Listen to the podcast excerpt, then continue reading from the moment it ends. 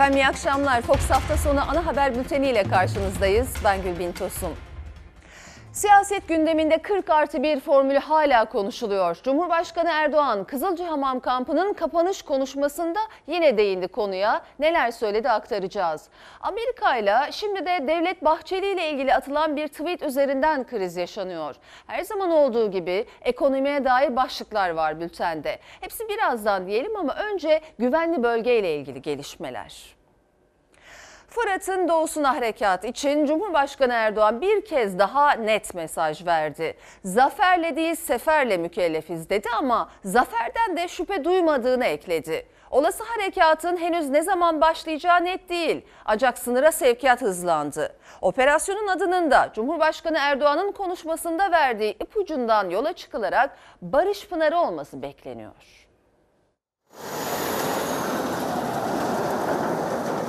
Zaferle değil, seferle mükellefiz. Eyvallah. Ama inşallah zaferlerimizden de şüphe duymuyoruz. Bir kez daha Fırat'ın doğusuna harekat için kararlılık mesajı verdi Cumhurbaşkanı Erdoğan. Sınırımızın güvenliğini sağlamak hakkımız dedi. Ne yazık ki PKK, PYD, YPG gibi terör örgütleri burada cirit atıyorlar. Irak üzerinden buralara gelen 30 bin tır silah yüklü. Bütün bu araçlar kime geliyor? Ne için geliyor? E bunun hesabını herhalde sormak bizim hakkımızdır. Türkiye Amerika'dan Fırat'ın doğusunda 32 kilometre derinliğindeki güvenli bölge talebi için nihai kararını vermesini bekliyor. O kararı beklerken de B planı için tüm hazırlıklar sürüyor. Sınır hattında hakim bölgelerdeki tankların sayısını arttırmak için iş makineleri yeni mevziler kazıyor. Sınıra daha önce konuşlandırılan fırtına obüslerinin namluları ise Suriye'ye dönük. Amerikan yönetimini silah desteğinden vazgeçmesi için defalarca uyardı Türkiye. Ancak ne o destek kesildi ne de verilen güvenli bölge sözü tutuldu. Erdoğan söz bitti dedi. Olası harekat için geri sayım hızlandı. Sözün bittiği yerdeyiz. Sorunu kaynağında çözeceğiz. Askeri araçlar sınırdaki birliklere doğru zırhlı araç taşıyorlar. Bu konvoyda yaklaşık 20 araç var ve her bir aracın üzerinde de zırhlı araçlar var. Bu araçlar sınırdaki birliklere doğru ilerliyorlar ve aynı zamanda da lojistik malzeme taşıyorlar. Askeri konvoy zaman zaman trafiğinde ortasında kalıyor ve çevrede yaşayanların trafikteki sürücülerin destek gösterileriyle, sevgi gösterileriyle yollarına devam ediyorlar. Hazırlıklarımızı yaptık. Harekat planlarımızı tamamladık. Gereken talimatları verdik. Kararı verilen ve süreci başlamış olan barış pınarlarının önünü açma vakti belki bugün, belki yarın denebilecek kadar yakındır. Düğmeye ne zaman basılacağı henüz belli değil. Fırat'ın doğusuna harekatın ismiyle ilgili ipucunuysa Cumhurbaşkanı Erdoğan Barış Pınarları diyerek verdi. Operasyonun isminin Barış Pınarı olacağı ancak birden fazla noktadan başlatılacağı için Erdoğan'ın Barış Pınarları dediği konuşuluyor. Kara birliklerinin ve zırhlı araçların 3 noktadan Suriye'ye girmesi bekleniyor. Konvoydaki araçların büyük bölümü tank taşıyor. İşte o tanklar sınıra yakın kamplarda bekleyecekler ve operasyonun düğmesine basıldığı anda da sınırda görünecekler. Tanklar, zırhlı personel taşıyıcılar ve Türk Silahlı Kuvvetleri'nin en vurucu güçlerinden obüsler sınırdaki yerlerini almaya başladı. Namlular Suriye'ye döndü. Mehmetçik atış için emir bekliyor. Suriye'de terör örgütlerinin temizlenmesi, güvenli bölgenin tesis edilmesi için gözler olası harekata çevrilmişken iç siyasette de Cumhurbaşkanı Erdoğan'la Kılıçdaroğlu Suriye başlığıyla karşı karşıya. CHP lideri bir kez daha Suriye sorununun çözümü için Şam yönetimine adres gösterdi. Cumhurbaşkanı Erdoğan ise CHP cephesinden yükselen güvenli bölge ABD planı söylemine sert çıktı. Çıkmış bir ukala şeyler söylüyor.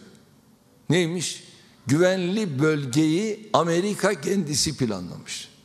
Güvenli bölge olayının Erdoğan'la bir alakası yokmuş. Bu Ana muhalefetin atıkları böyle. Suriye'nin toprak bütünlüğünü savunuyorsan Şam yönetimiyle konuşacaksın.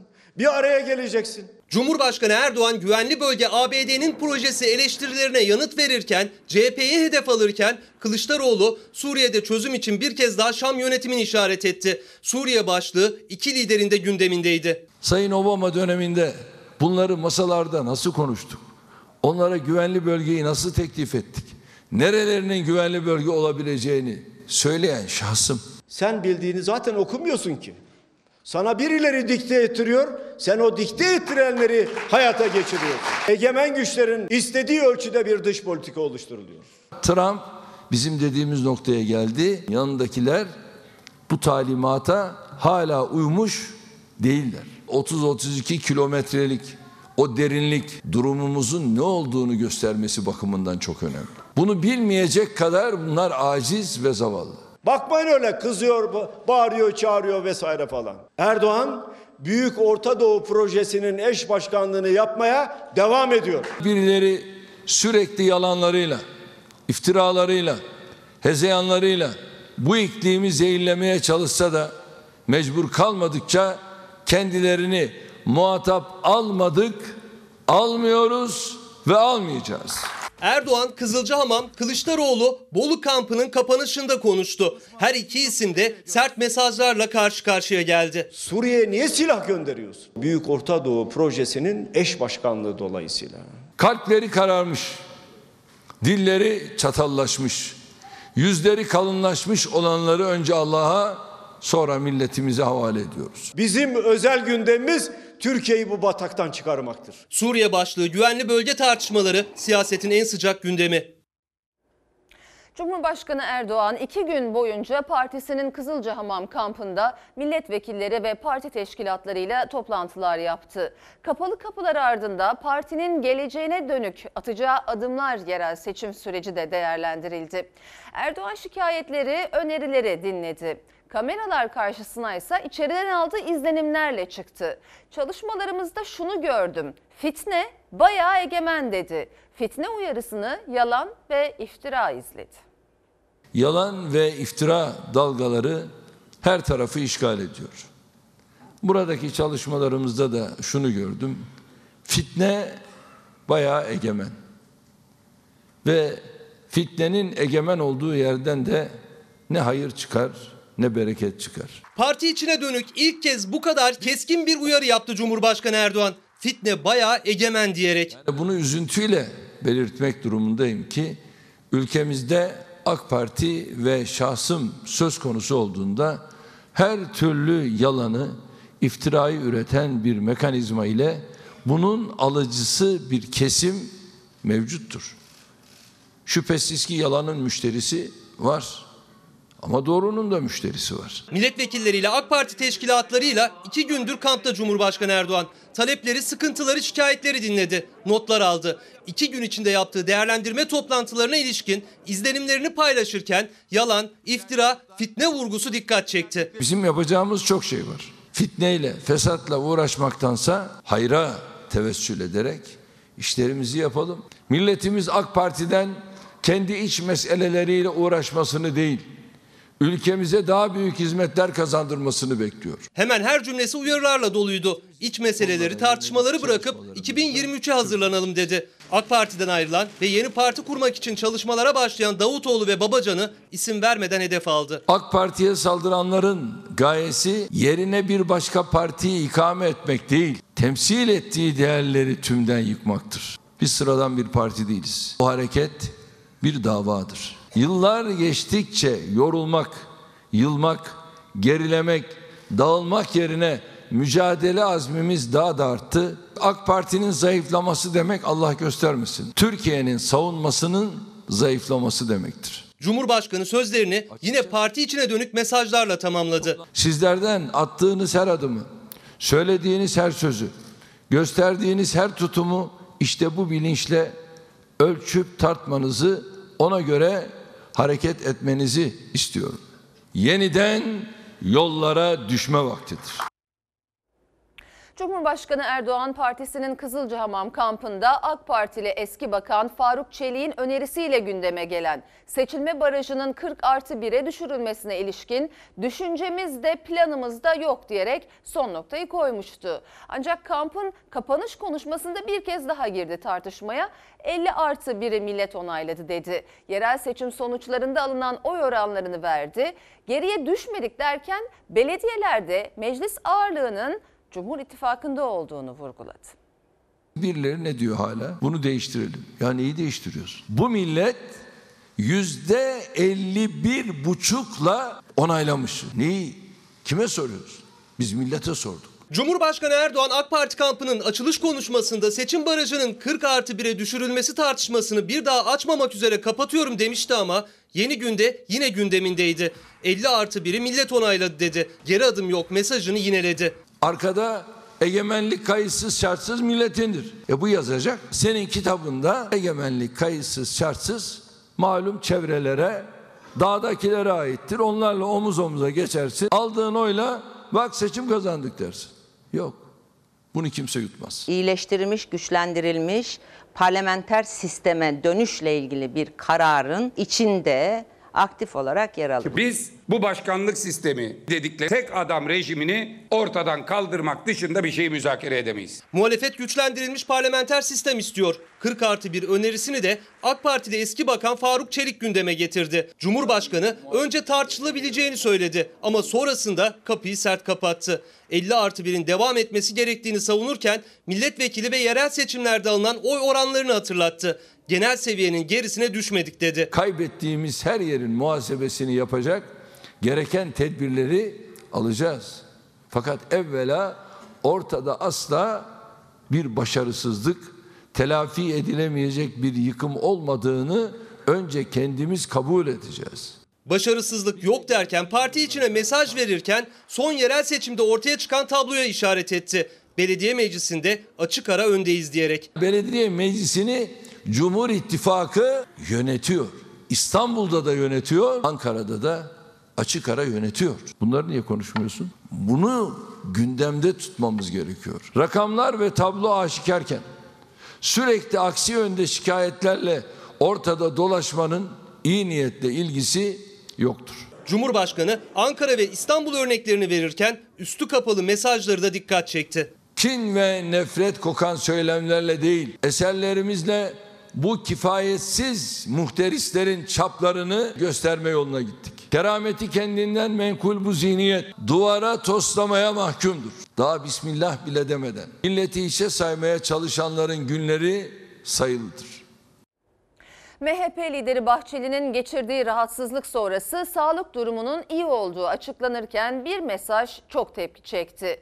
FETÖ firarisi Ergün Babahan'ın Bahçelisiz bir siyaset dönemine hazır olmalı mesajı. Ama asıl kriz yaratan gelişme o mesajı Amerika Amerika'nın Ankara Büyükelçiliği'nin beğenmesi oldu. Büyükelçilik yanlışlıkla beğenildi dedi ama tepkiler çığ gibi yükseldi. Amerika Büyükelçiliği Maslahat Güzarı Dışişleri Bakanlığı'na çağrıldı.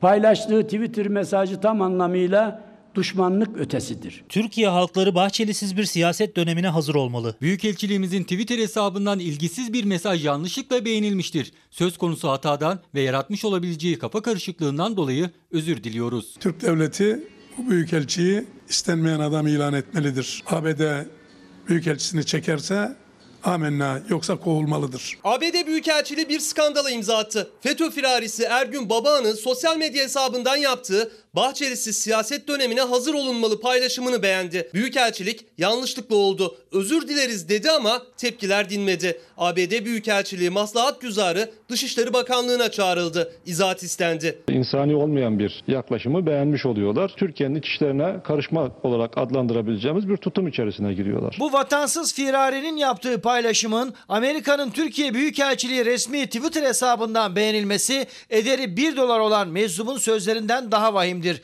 ve ABD destekli yeni bir operasyonun da başladığının delilidir. MHP lideri Bahçeli geçirdiği rahatsızlık sonrası evinde dinleniyor. Sağlık durumunun iyi olduğu duyurulurken FETÖ firarisi Ergün Babahan'ın tepki çeken mesajı ve o paylaşımı ABD Büyükelçiliği'nin beğenmesi krize neden oldu. Yanlışlıkla beğenilmiştir. Söz konusu hatadan ve yaratmış olabileceği kafa karışıklığından dolayı özür diliyoruz. Kuru bir özürle geçiştirilecek bir konu değil. Birincisi resmen özür dilenmesi gerekir. Ee, Sayın Bahçeli'den ve MHP camiasından. planlı kasıtlı bir yönü olduğu kanaatindeyiz. Sıradan bir özürle geçiştirilecek bir hadise de değildir. Tepkiler peş peşe geldi. MHP, ABD Büyükelçiliği'nin beğenisinin kasıtlı yapıldığı görüşünde. Resmi özür beklenirken en sert tepki MHP Genel Başkan Yardımcısı Fethi Yıldız'dan geldi. Büyükelçi kovulmalı diyerek. Amerikan Büyükelçisi istenmeyen adam ilan edilmelidir ve ülkemizden kovulmalıdır dedim.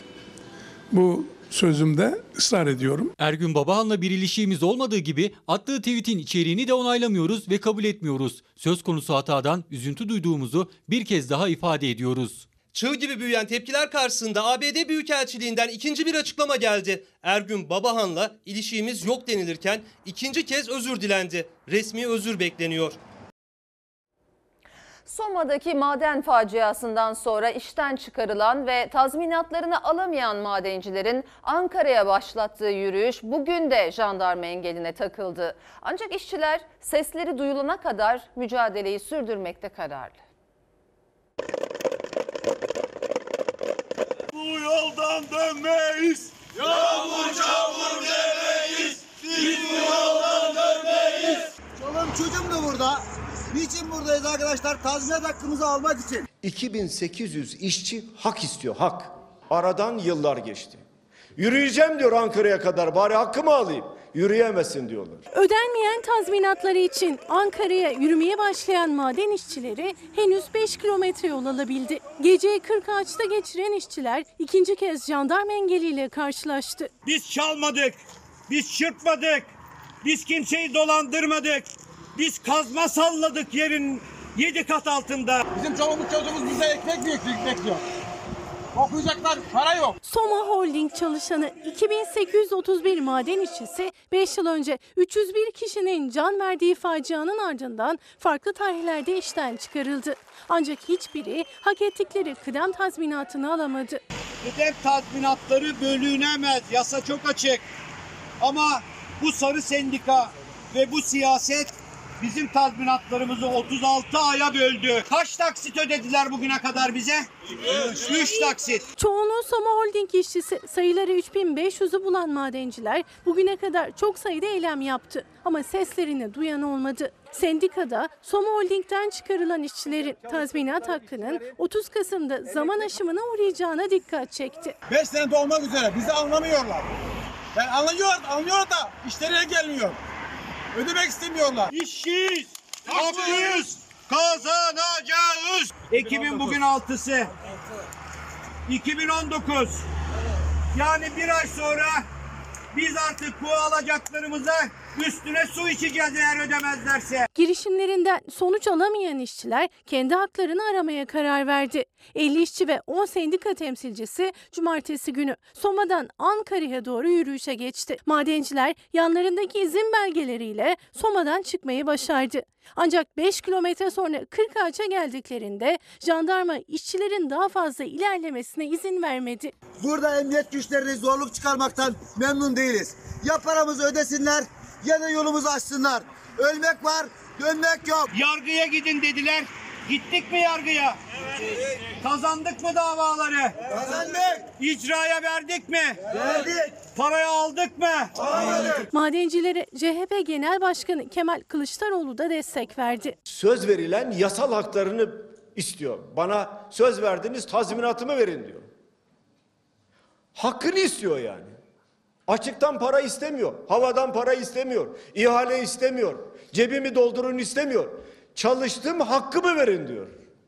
Vermiyorlar. İzin engelini aşabilirlerse işçiler 10 gün sonra Ankara'ya ulaşacak. Her ne olursa olsun geri adım atmayacağız. Bu gelen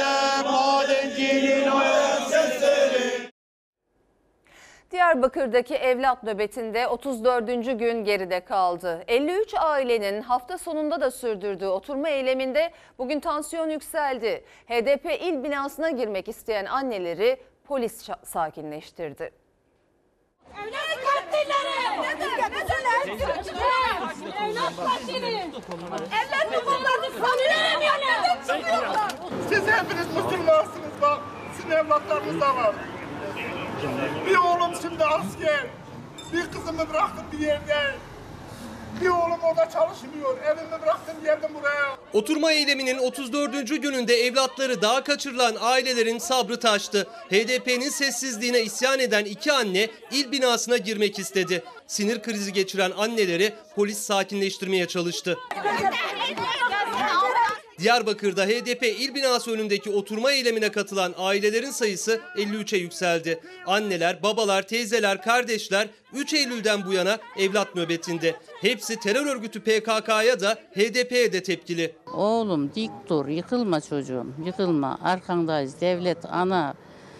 Arkandayız çocuğum. Yıkılma, hiç kimseye kanma. Diyorlar ki yok işte efendim niye gitmediniz MHP'nin, AK Parti'nin ya da CHP'nin kapısına oturmuyorsunuz, meclise niye gitmiyorsun?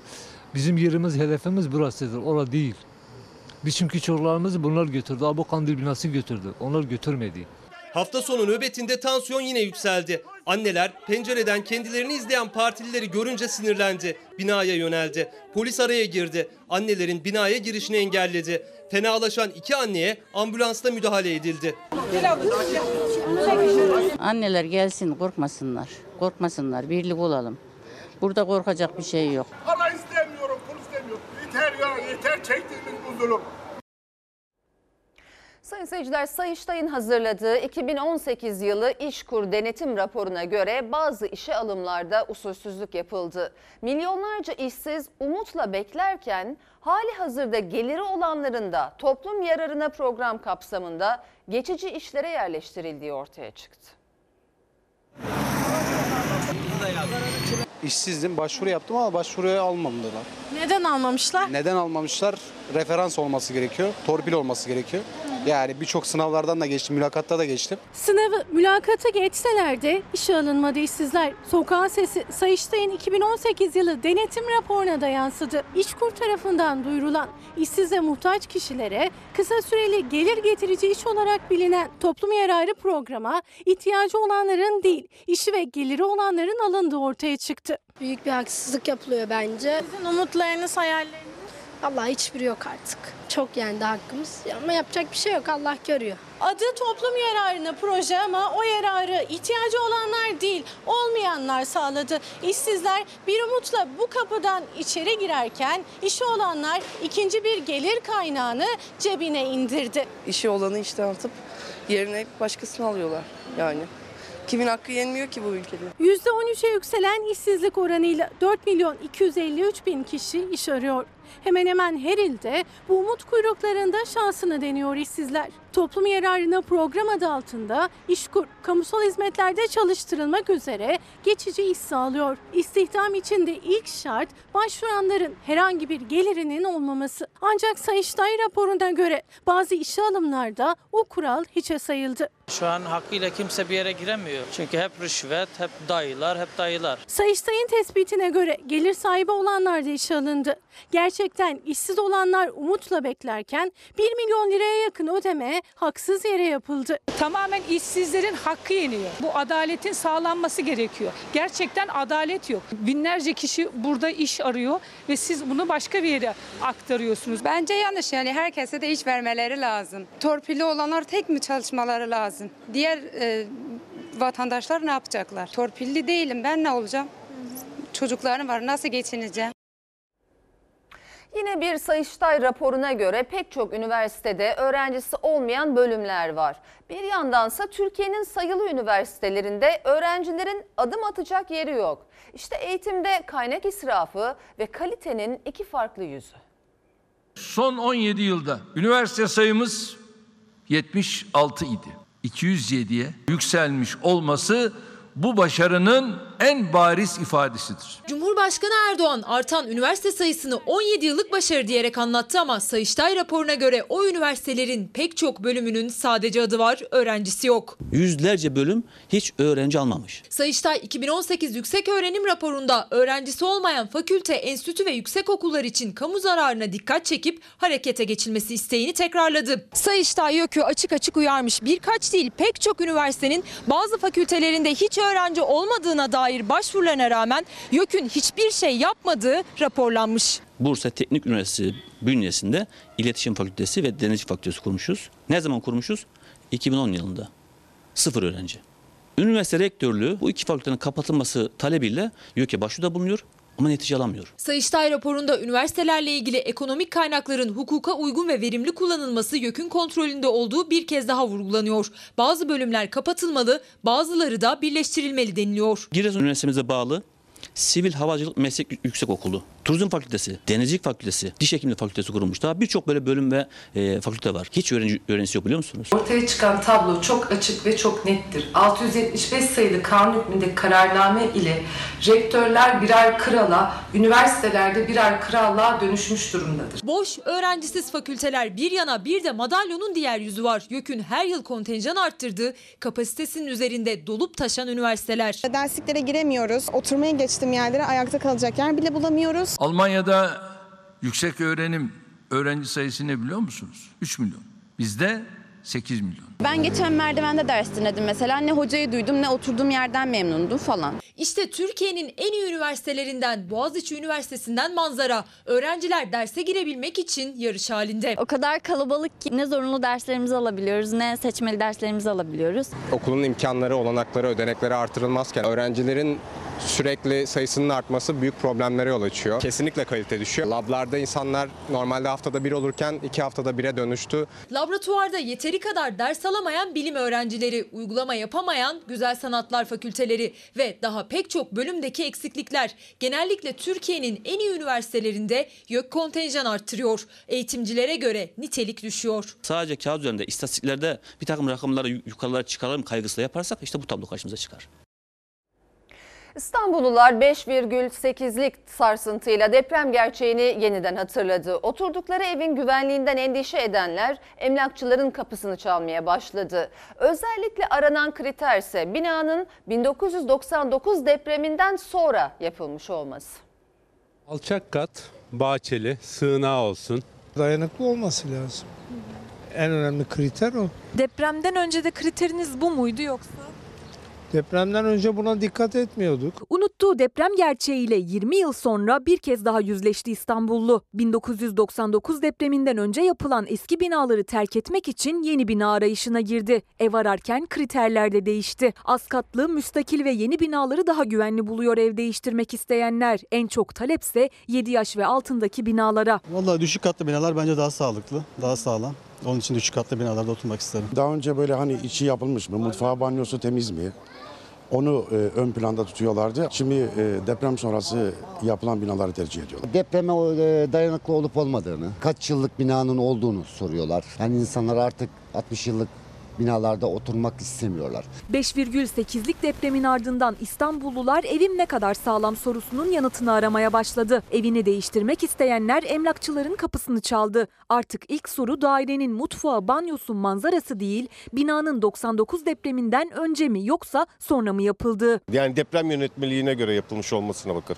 Uzun zamandır durgun olan emlak sektörü de hareketlendi. Ancak taleple birlikte hem kiralık hem de satılık evlerin fiyatları da artışa geçti. Deprem sonrası emlak fiyatlarının arttığı ilçelerden biri Bakırköy. Örneğin kiralık dairelerde 65 metrekare 1 artı 1 zemin kat bir dairenin fiyatı depremden önce 2000 lirayken deprem sonrası fiyatı 2200 liraya çıktı. Aynı şekilde satılık dairelerde de fiyat artışı yaşandı. 2 artı 1 110 metrekare birinci kat bir dairenin fiyatı 1 milyon 100 bin lirayken deprem sonrası 1 milyon 250 bin liraya çıktı. Bir müşteri mesaj atmış. E, 2800 kiralık dairesi vardı. Bana dedi ki 3250 liraya çıkar. E, halbuki e, o ev e, deprem sonrası ev de değil yani. İnsanlar bunu ranta çevirmeye çalışıyorlar. Şu anda talebe cevap veremiyoruz. Çünkü neden bina yok?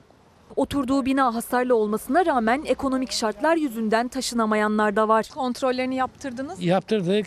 Yıkılacak diyor. Deprem sonrası ev arayışına girdiniz mi? Hayır nereye girelim? Paramız mı var? 2 milyon emekli parası, 3 milyon emekli parasına nereye gideceğiz kızım? Biz mezar yeri arıyoruz artık. İnceleme yaptırdık.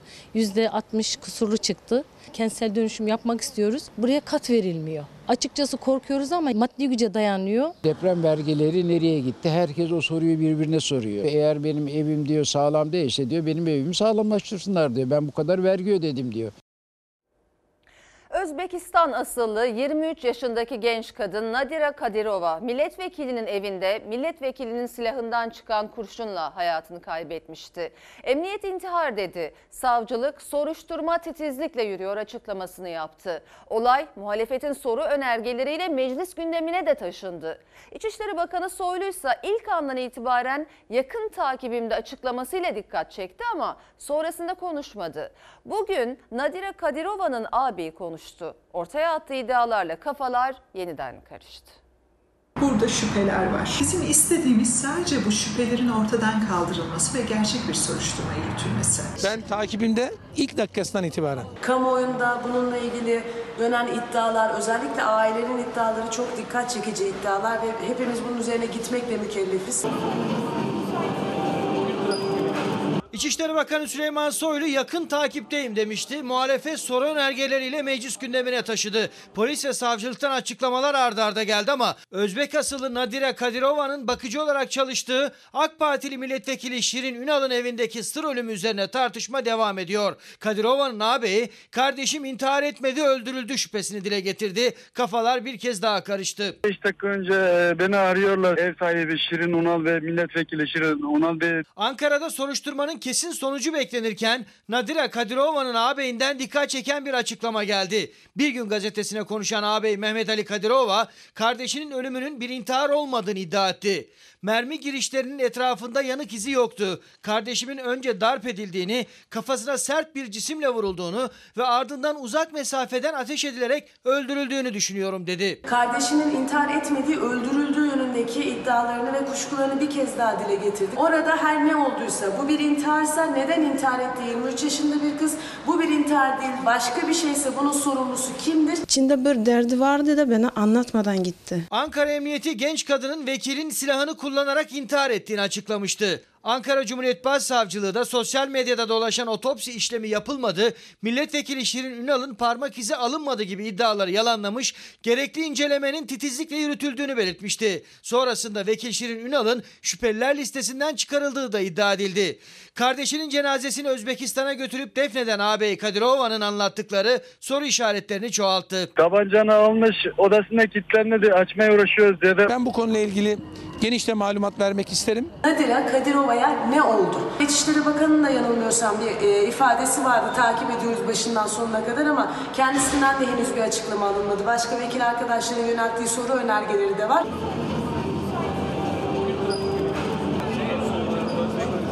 Arkadaşlar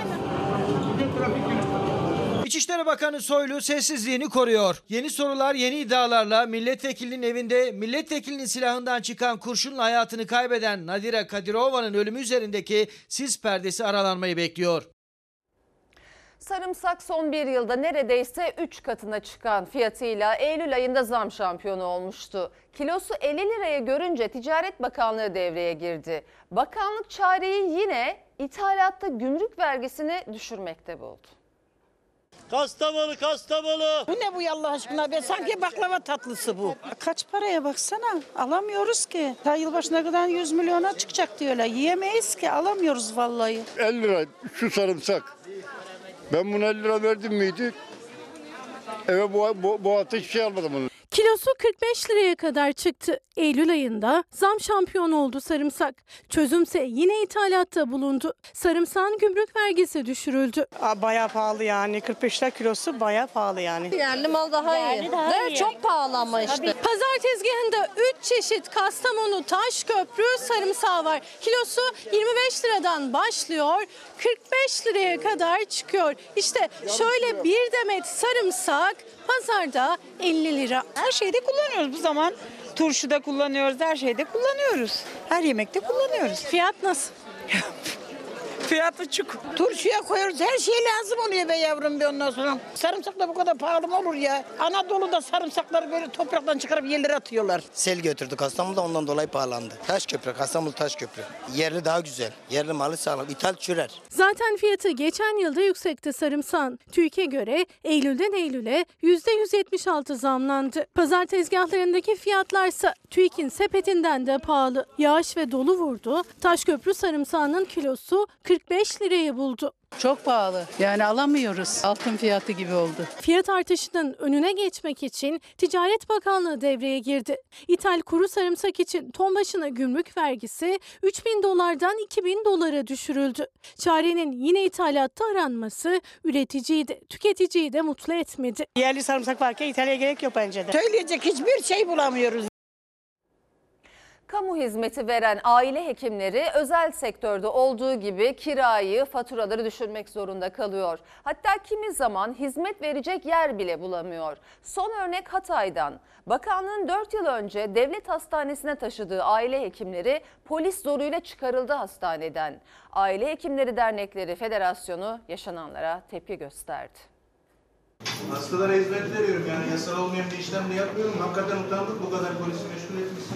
Ne yaptı bu hekimler? Devlete mi karşı geldiler? Sahipsiz kalmaya başladılar. Önüne gelen çıkın diyor. Kiracı pozisyonda gibi duruyoruz. Ya biz kiracı değiliz. Bu devletin çalışan hekimleriyiz. Onlar da devletin hekimi ama devlet hastanesinden polis zoruyla çıkarıldılar. Görüntüler Hatay'ın Kumlu ilçesinden 13 bin nüfuslu ilçenin tek aile sağlık merkezi. Sağlık Bakanlığı tarafından devlet hastanesine taşındı. Ancak 4 yılın sonunda odalarından bu görüntülerle çıkarıldılar. Hem de iddiaya göre yazılı bir karar olmadan.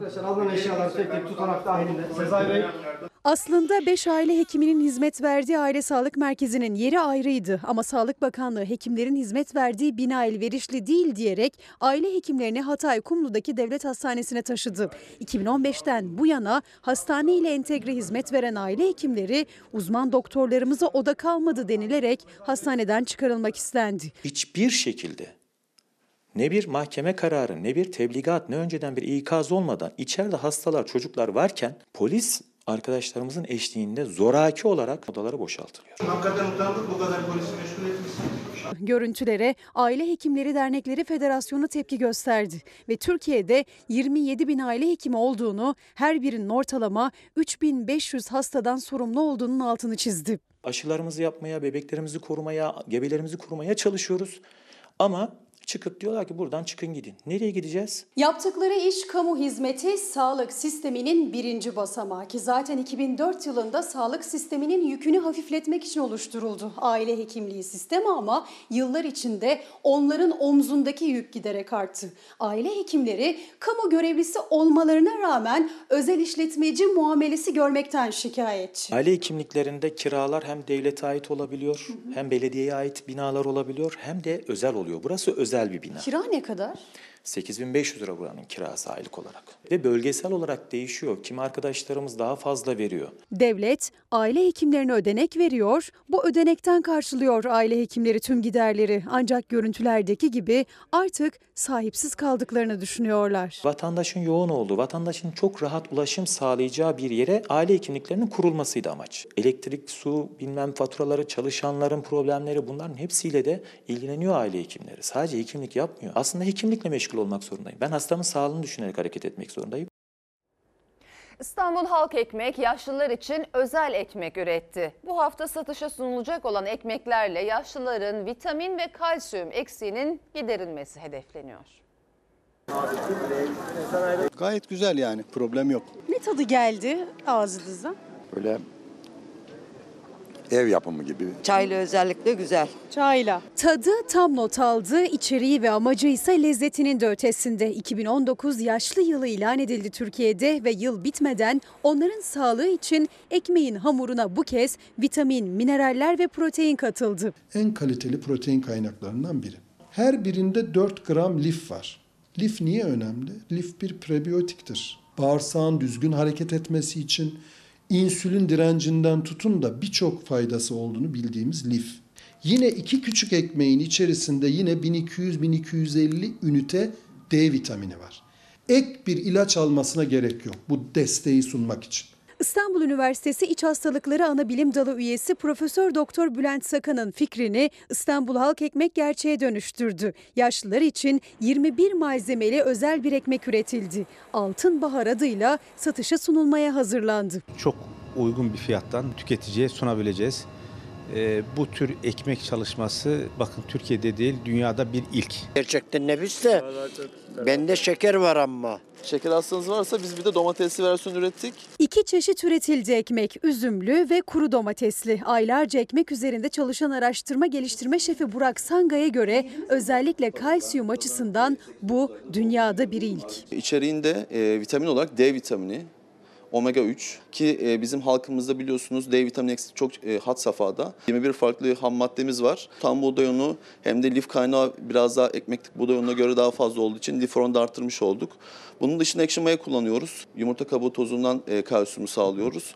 Bu da e, dünyada ilk bir proje zaten. Kalsiyum ve vitamin takviyeli. Fiyatı ne kadar acaba? Öyle pahalı bir şey değildir. Ucuzdur herhalde. Ekmeğin fiyatını merak ediyor İstanbullular. Satışa sunulacağı salı günü İstanbul Büyükşehir Belediye Başkanı Ekrem İmamoğlu yaşlılarla bir araya gelerek açıklayacak fiyatı. Yaşlılar için üretilse de herkes için besin kaynağı olacak. Ben bu ekmeği tüketebilir miyim? Tabii ki. Zaten yaşam e, kalitenizin ne kadar artacağını göreceksiniz. 150 gram ete eşdeğer. Güzel o zaman. Bayramdan bayrama görüyoruz. Bari bundan alırız gerekli proteini herhalde. Havalar soğumaya başladı. Kışlık giysi ve ayakkabı ihtiyacı arttı. Mağazalardaki yüksek etiketlerin yanına yaklaşamayanlar alışveriş için indirim çadırlarına yöneldi. Sabır çekiyoruz. 2 lira asgari ücretle çalışan insan bir eşortmana 50-60 lira, bir sivete 100 lira vermek gerçekten çok zor. Çadır indirimi de pahalı geldi. Havaların soğumasıyla birlikte kışlık giysi, ayakkabı hazırlığı da başladı. Tüketici indirim çadırında uygun fiyata kışlık aradı. İhtiyacımız olmadıkça hani üşüdüğümüz zaman aklımıza geliyor mont almak. Beni sıcak tutacak bir mont arıyorum. Çadırda ürünlerin fiyatları mevsimine göre değişiyor. 100 liraya da mont var ama tüketiciler bu montlarla kışın geçmeyeceğini biliyor.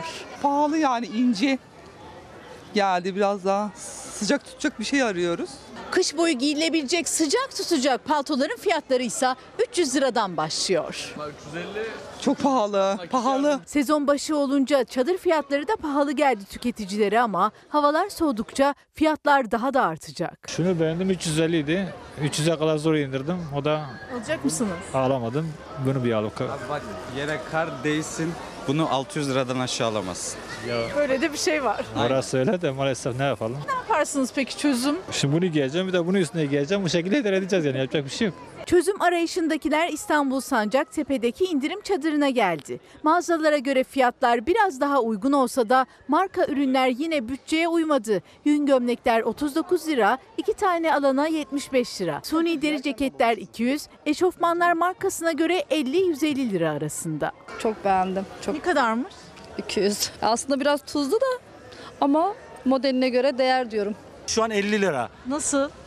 Vallahi gayet uygun. Montlar 100 liradan başlıyor, 500 liraya kadar çıkıyor. Spor ayakkabı ve kışlık botlar için de yine en az 100 lirayı gözden çıkartmak gerekiyor. Fiyatlar uçuyor uçuyor.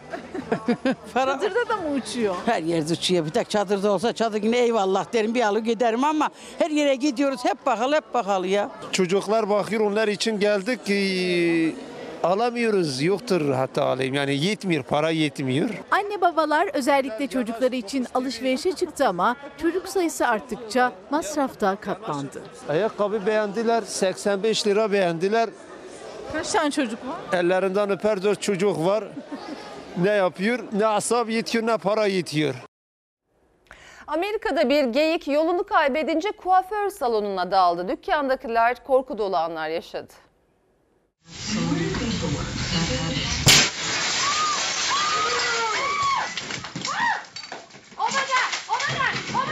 Geyik kuaför salonuna daldı. Koltukta sırasını bekleyen kadın ölümden döndü. Amerika Birleşik Devletleri'nin New York şehrindeki kuaför salonunda bir müşteri saçını kestiriyor, diğeri vitrin önündeki koltukta sırasını bekliyordu. Aniden bir geyik cam vitrini kırdı. Koltukta oturan kadına çarparak içeriye daldı.